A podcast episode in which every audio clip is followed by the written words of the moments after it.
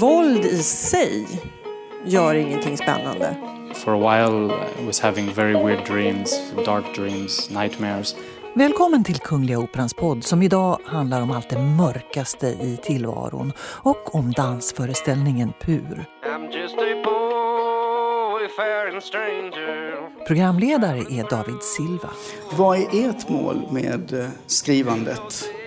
Från början så var det att göra barnets röst hörd. Det finns den lilla ondskan och den stora ondskan. Det handlar ju också om, även när man skildrar gärningspersoner, att, att komma så nära som möjligt för att kunna försöka gestalta det.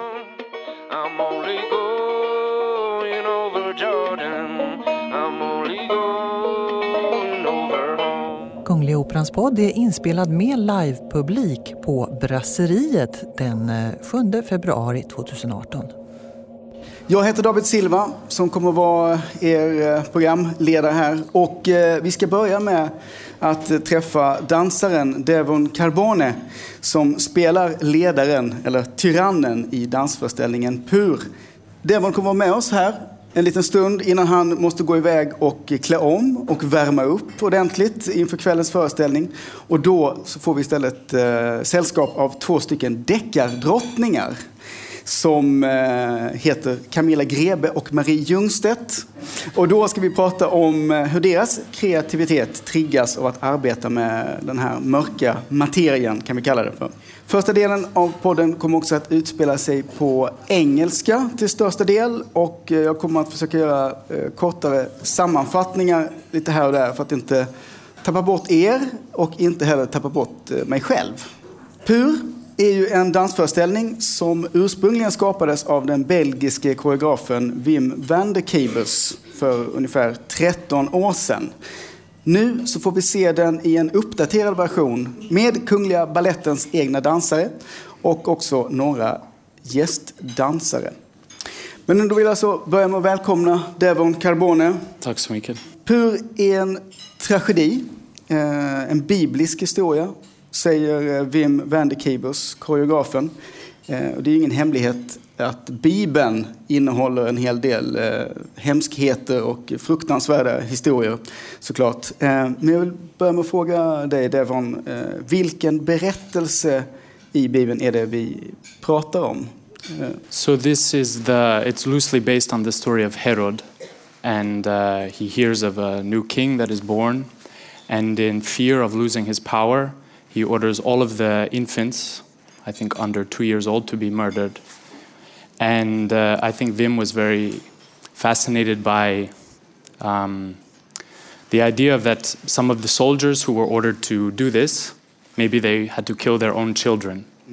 So, and uh, besides that, he also speaks of um, that it's not something that is specific to that story, that it has happened before. He says that Krishna, 5,000 years ago, there's a similar story. And then he also speaks about that there are atrocities that happen all over the world. And uh, today, uh, maybe not exactly that one, but some horrible things as well. And, and in one way, today also. Uh, going back to that, uh, the first thing you said there, it's a story about killing infants and also about young men killing infants. Um, how is this presented in the performance of the piece? It's quite uh, abstract um, in one way, and in another way, they are simple images. So, for example, we have about a two meter stick, bamboo stick, and it is, let's say, stabbed into the stomach. There's a pillow. And then the boys are lifted up onto it and suspended. So, this is a simple image, uh, simple to perform, let's say, but quite strong. So that is one way that the killing is portrayed on the stage. And this fascination of uh, that you said, uh, the thought of of uh, killing infants and understanding how that process is going on inside a, a human being, uh, is that something that you uh, like have talked about before? Absolutely. Working on the piece. It was, it was always the present in the work, the complexity and the depth and the horror of the story. Uh, like I said, it was loosely based on on this story, but in general, the the piece is about death, and uh, I think it's important to say in one way that the things that happen on the stage live, this is in the hereafter. We're all dead already. There's a, a film, three films projected onto the wall during the performance, and this is what happened. This is, and it's not. Uh, set in the time of Herod, it's also quite abstract in that sense. You play the most evil character in this uh, play. Uh, why did uh, Wim van der Keepers uh, choose you? You seem like a nice guy. Thank you. I think um, we, we had uh, an opportunity before we started the process to, to all show what we could do.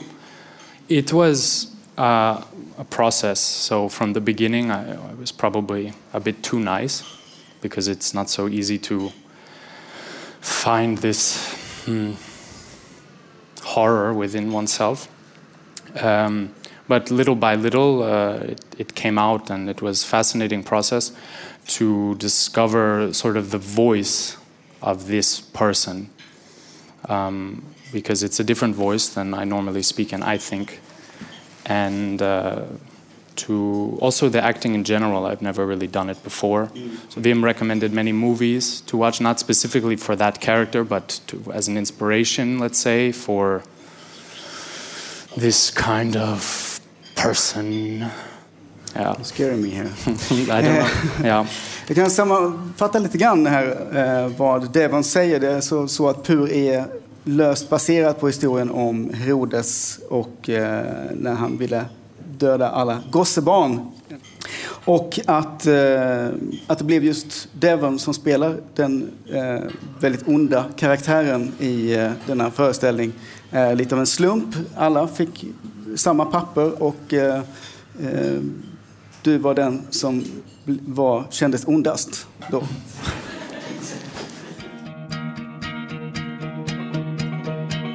know dark clouds gonna gather around me. I know my way will be rough and steep. Yet beautiful fears lie just before me. You have no previous uh, experience as an actor, you said, uh, but now you have so many lines in this uh, play. You're on stage for like almost two hours straight, straight on. Uh, how have you worked with that being a dancer and and now having to, to talk so much? it was um, quite simple, I would say. I got the papers and I read it many, many times, and little by little, you know, try to look away. Okay, say the words. Was that right? Check it again, and and little by little to memorize it. Mm. And then once you have it, you have it down. You start walking through the street on the way home, and you're talking to yourself, and you get a lot of funny looks. Mm. And uh, but that's simply to memorize it. And then later on, when you need to do the character, then you get even more funny looks because you're starting to really mutter to yourself, and you start to on the street. And always, I have an awareness of on stage it's quite intimate in a way, and that you know, I'm not speaking to the public. I am always an awareness of who is with me, mm. who are my subjects. Ha ha ha. uh, going back to uh, the scenes you described in the film, which uh, accompanies the, the piece, uh, it's scenes of violence, uh, very realistic scenes uh, from a war or disaster zone. how do you interact with these scenes? Uh, it depends on which film. The first one, it's it's a small text in the front, um, and uh, but it's very visual. Another one, there is uh, some movement going on beneath, um, and then I have a text over the movie. So it's very interactive the way the the film is set into the piece. Maybe not interactive, but uh, interconnected. It's yeah. never like okay, now is the movie, and then now is the dancing or this, but the text. Emotionally, how do how do do you get affected as performers with this very graphic uh, violence going on? In one way, because we are always doing things, I don't see it, but I hear it, and there are many screams of of agony, and uh, I, I think it's quite a, a normal reaction that anyone would have when they hear this. It's not, uh, it doesn't get weaker. Uh, so if you hear a scream, uh, and how you react, probably the same almost. It's a story of now, says the choreographer Wim van de Kabels about poor. I don't want to shock people. I want to move them. Um, what about you as, as dancers? Uh, how do you get moved by the piece? It it's a dark piece, and it's about death. And so, for a while, I was having very weird dreams, dark dreams, nightmares, and also, uh, I mean, at the end of the day, uh, I mean, I would often call my family, "Are you okay? How are you doing? I miss you." Things like this, just to to yeah connect with the people that you don't want to lose. And when you're dealing with a piece that is about loss about a lot of other things but in one way loss um, yeah it, it, it makes you fear that for sure. Fear the loss of who you love. Wh- Why do you suppose uh, an audience is drawn to, to these kinds of stories about death and destruction? I think, let's say, in one way, it's important that people, I think, are subjected to it because it is the reality, in, unfortunately, of the world we live in. And I think if you get close to it in one way, but you, thank, thankfully, it's not affecting you, but you can uh, sort of look in through a window and learn about yourself, learn about the world through art rather than real experience. I think it's, but to make a, a full picture of the world, it's a part of it, unfortunately. And if, to ignore it, it's, it's, uh, you're not full, you know, you're not a whole uh, mind, let's say. And then probably there's some people that just are attracted to it by the, the, the tension in like a horror film, let's say, you know, that, wow, what's going to happen? Bah! Or um, I think it would be nice, like people came to see it and then, yeah, what, what attracted them? Closing, uh, closing question for you. Um, in an hour or so, we'll see you on, on stage. Uh, how do you prepare mentally and physically? Well, what I will go do now is I will go move a bit, get the joints going, and uh, set the props, things like this, change. And as I do that, I will start to go through my text a little bit slower, without emotion even, and uh, try to try to ar- ar- ar- ar- ar- articulate everything to, to get the voice going and to, in a way, separate myself from my nerves just to to go through it. It's natural. And to be on the stage is great to feel at home where i'm going to be for two hours and uh, then little by little as i put the costume i will put the microphone and i try to start to uh, let's say uh, change gradually into the weight and the power of somebody I will I will have to be. Thank you so much, Devon Carbone, for talking to us here at the så Royal Opera. Pod. Tack så mycket.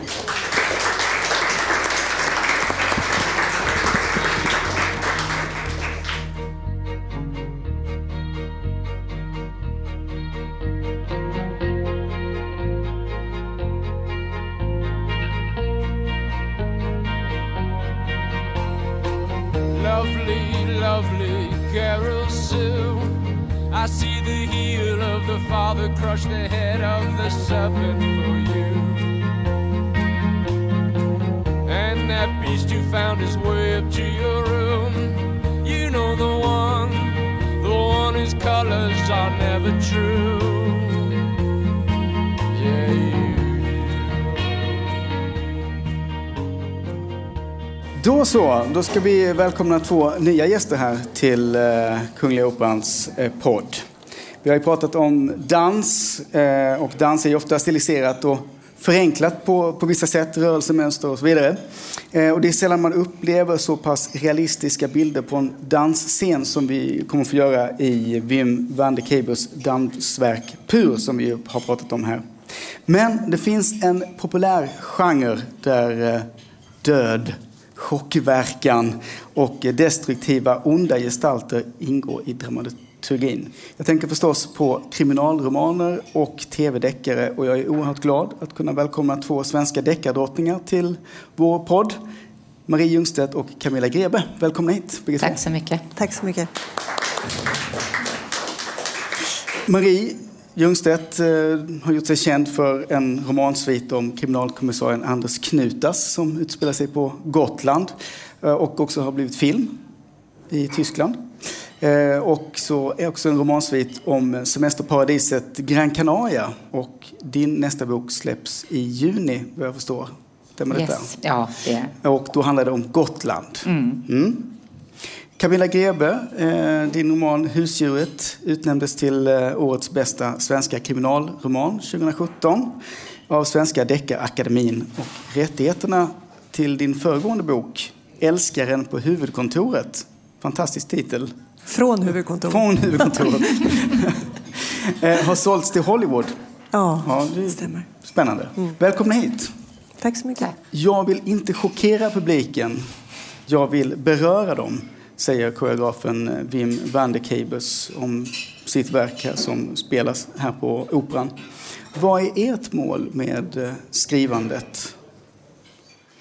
Eh, jag tror att jag skriver ju framför allt från början så var det för att eh, eh, göra barnets röst hörd faktiskt. Det handlar om utsatthet i barndomen och under uppväxten och det är det som är min drivkraft, det är därför jag skriver och det här temat smyger sig in i alla böcker. Även om jag inte tänker så från början så kommer det in och det går som en röd tråd genom hela författarskapet. Jag har skrivit, jag är på min sextonde bok nu som kommer ut. Så att, eh, det här kan jag se, det kommer in vare sig jag vill eller inte. Och, eh, eh, jag tror att det är därför jag skriver från början. Sen har jag älskat deckare och, och spänning och, och såna här saker. Det tycker jag jättemycket om. Men eh, jag skriver för att jag vill berätta någonting mer. Skrivandet för mig det är ju ett eh, sätt att skapa. Och sen att det blir just kriminalromaner, det är ju kanske en annan fråga då, varför man liksom sysselsätter sig just med de här mörka frågorna. Och ehm, det är nog lite terapeutiskt, även som författare, att jobba med de här frågorna, att liksom undersöka vilka drivkrafter som, som finns bakom det vi kallar ondska hur eh, de här sakerna är möjliga, varför människor beg- begår den här typen av brott. Men hur gör man det då? Genom att chockera eller hur, hur tänker ni kring det där? Liksom? När man skriver spänningsromaner så vill man ju att det ska vara just spännande och att läsaren ska inte kunna lägga ifrån sig boken. Och hur gör man det då? Ja, men det gör man inte genom att slänga in en massa biljakter eller mord eller liksom, eh, någon som blir styckad eller något sånt där. Det är inget spännande. Det blir spännande först när du som läsare är emotionellt investerad i karaktärerna. När du identifierar dig med dem. Då kan du börja utsätta dina karaktärer för olika saker. Då blir det spännande som läsare. Då kan du ju ha din biljakt eller ditt mord eller vad det nu är. Men alltså, våld i sig gör ingenting spännande. Det är ungefär som att slänga in lite kärlek eller lite sex. Ja, men det blir inte upphetsande för det. Utan det, liksom, det behöver den här resan dit någonstans. Det handlar också om, tror jag, väldigt mycket, det är precis som Camilla säger, men jag tror att det handlar om att vi ska försöka förstå, eller det är väl det jag vill kanske när jag skriver, är att försöka förstå vad är det som gör att det här händer? Vad är det som gör att en människa kan begå det värsta av brott? Och eh, hur ska, vi, hur ska vi kunna förstå det här? Det är väl den, det, att man försöker förstå helt enkelt vad det är som ligger bakom. Och det ligger ju ändå i, i vår realitet om man säger människor. Varför är vi fascinerade av kriminalserier på tv eller att läsa deckare? Varför vill vi göra det så mycket? Men en del av förklaringen kanske är att det här är en del av verkligheten. Man försöker förstå hur det här kan hända och det är ju det som är det intressanta i en kriminalroman. Det är ju de här psykologiska aspekterna bakom. Vad är det som gör att det här att det här händer. Och det är väl vad jag försöker göra och jag tror att i mina böcker så kan man nog ganska ofta eh, lite grann förstå gärningspersonen. Alltså varför sker det här? Att man eh, faktiskt har till och med ja, en viss förståelse för varför det händer. Men om man tänker på som nu i, i den här dansföreställningen då, eh, just det gäller att förstå, eh, som då handlar om att till exempel eh, döda barn eller liksom så. Hur kan man jobba med att försöka förstå det? Hur nära kan man komma det? Ja, alltså det, det handlar om att sätta sig in. Som författare måste man ju sätta sig in i de olika karaktärerna. Man måste sätta sig in i de olika situationerna eh, väldigt, väldigt nära. Och eh, jag till exempel med researchen så är jag jättenoga därför att jag vill komma så nära. Jag vill verkligen förstå den här anorektiska tjejen på Mandokliniken som sitter där och vill göra allt för att eh, bränna kalorier och eh, inte få i sig någonting. För att förstå henne så måste jag själv tillbringa tid där. Jag måste vara där, jag måste vara nära henne. Jag måste för att kunna liksom sätta mig in i hennes situation, till exempel. Mm. och det handlar ju också om, även när man skildrar gärningspersoner, att, att komma så nära som möjligt för att kunna försöka gestalta det. Men jag tror att det är en intressant fråga för att då är vi inne på det här med liksom ondska och vad är ondska? Och det finns liksom, det är någon sorts skala. Det finns den lilla ondskan och den stora ondskan. Jag menar, mm. Två personer som blir osams eh, på en fest och är jätteberusade och slår varandra i huvudet och en dör. Det är, liksom, det är det genomsnittliga dråpet vi har i Sverige. Mm. Skulle vi prata om en stor ondska då? Ja, men kanske inte. Liksom.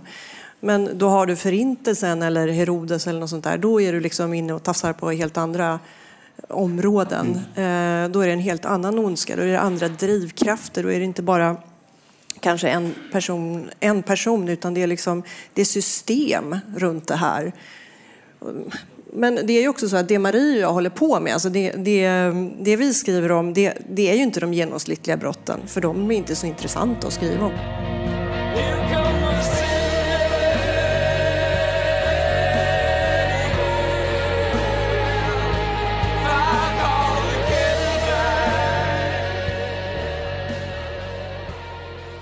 Ofta är det ju så här att man vill ju berätta någonting annat. Mm. Och sen har man valt, eller jag i alla fall, har valt att skildra det i kriminalromanens form.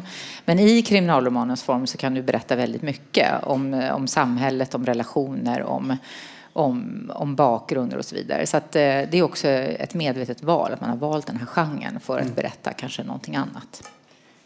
Men precis, så är det ju. Och jag har inte skrivit särskilt politiska romaner tidigare. Men Husdjuret är ju, jag vet inte om jag ska säga att den är politisk, men den har ju ändå någon sorts budskap och den handlar lite grann om, om flyktingar och eh, vad det är för drivkrafter som, som skapar främlingsfientlighet. Då landar man ju i det här att det är vi och dem. Liksom. Det är så det ser ut väldigt mycket i samhället nu. Så såg det ut på 30-talet när man resonerade kring liksom, judarna i Europa och även om man går liksom längre tillbaka i historien. Så det är samma typ av retorik. Det är ju faktiskt ganska intressant. Men om man tänker då på eh, en viktig del i eh, en kriminalroman är ju en gärningsperson. Eh, och om man då tänker på eh, den rollen som Devon, som vi pratade med tidigare här, spelar och, och liksom en ond eh, eh tyrann och sådär. Någonstans måste ju ändå den rollen också vara någon som man på något sätt kan känna någonting med för att det ska bli på riktigt.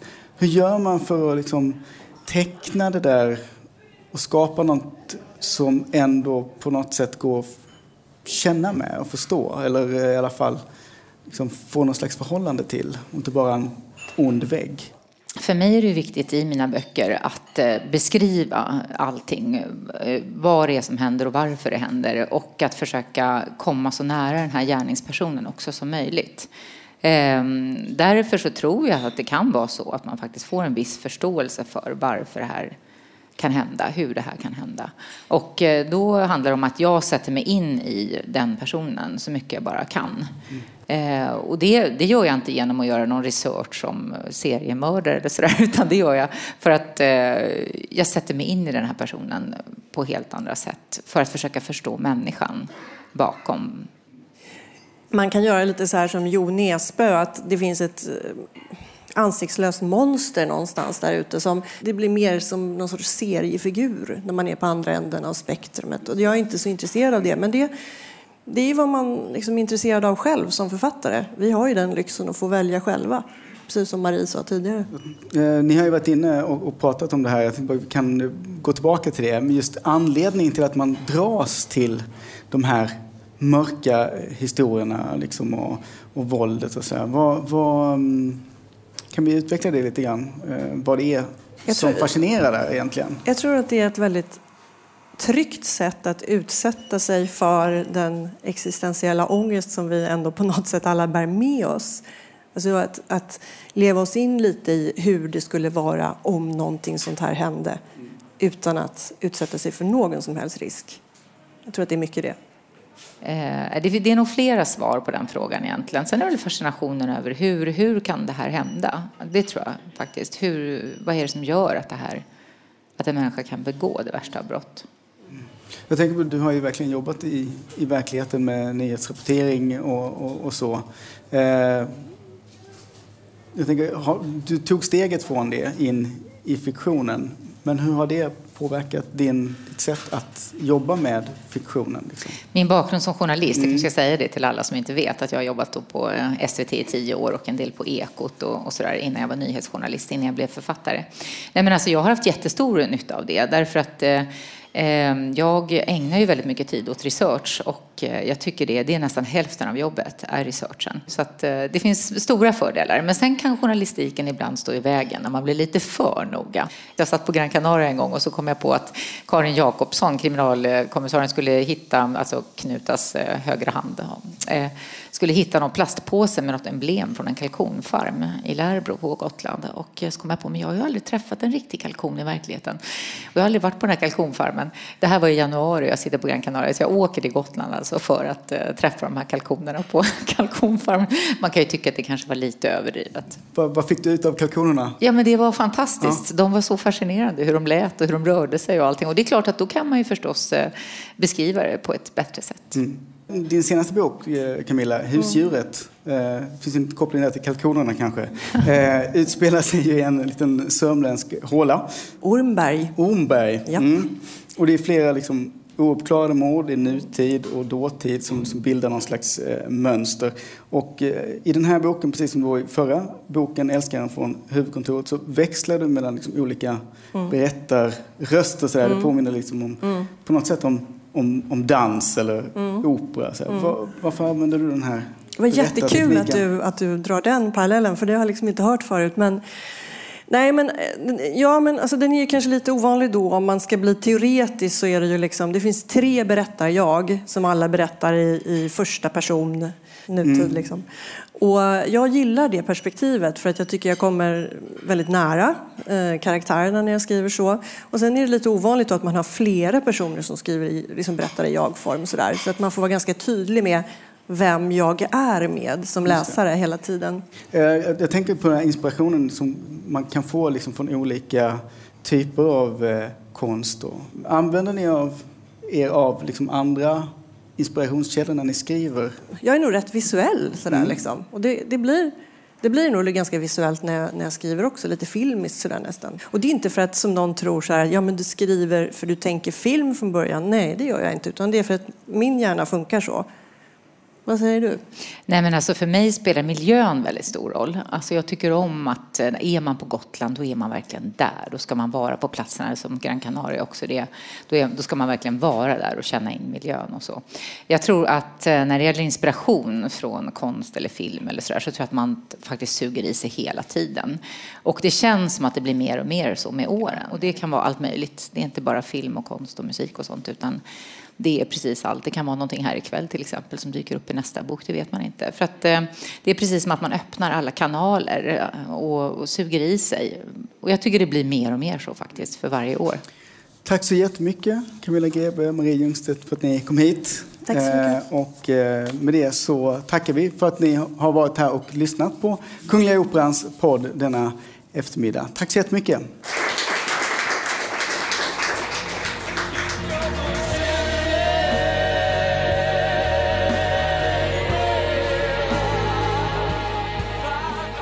Har lyssnat till Kungliga Operans podd om dansföreställningen Pur inspelad med livepublik på Brasseriet den 7 februari 2018. Musiken i podden är Poor Wayfaring Stranger av eh, David Edwards och Solare av Fabio Romitelli. De två tonsättare som är ansvariga för musiken i Pur. Programledare är David Silva. Sofia Nyblom är producent och för ljudmixen svarar Samuel Lindberg. Och podden görs hos produktionsbolaget Munk. As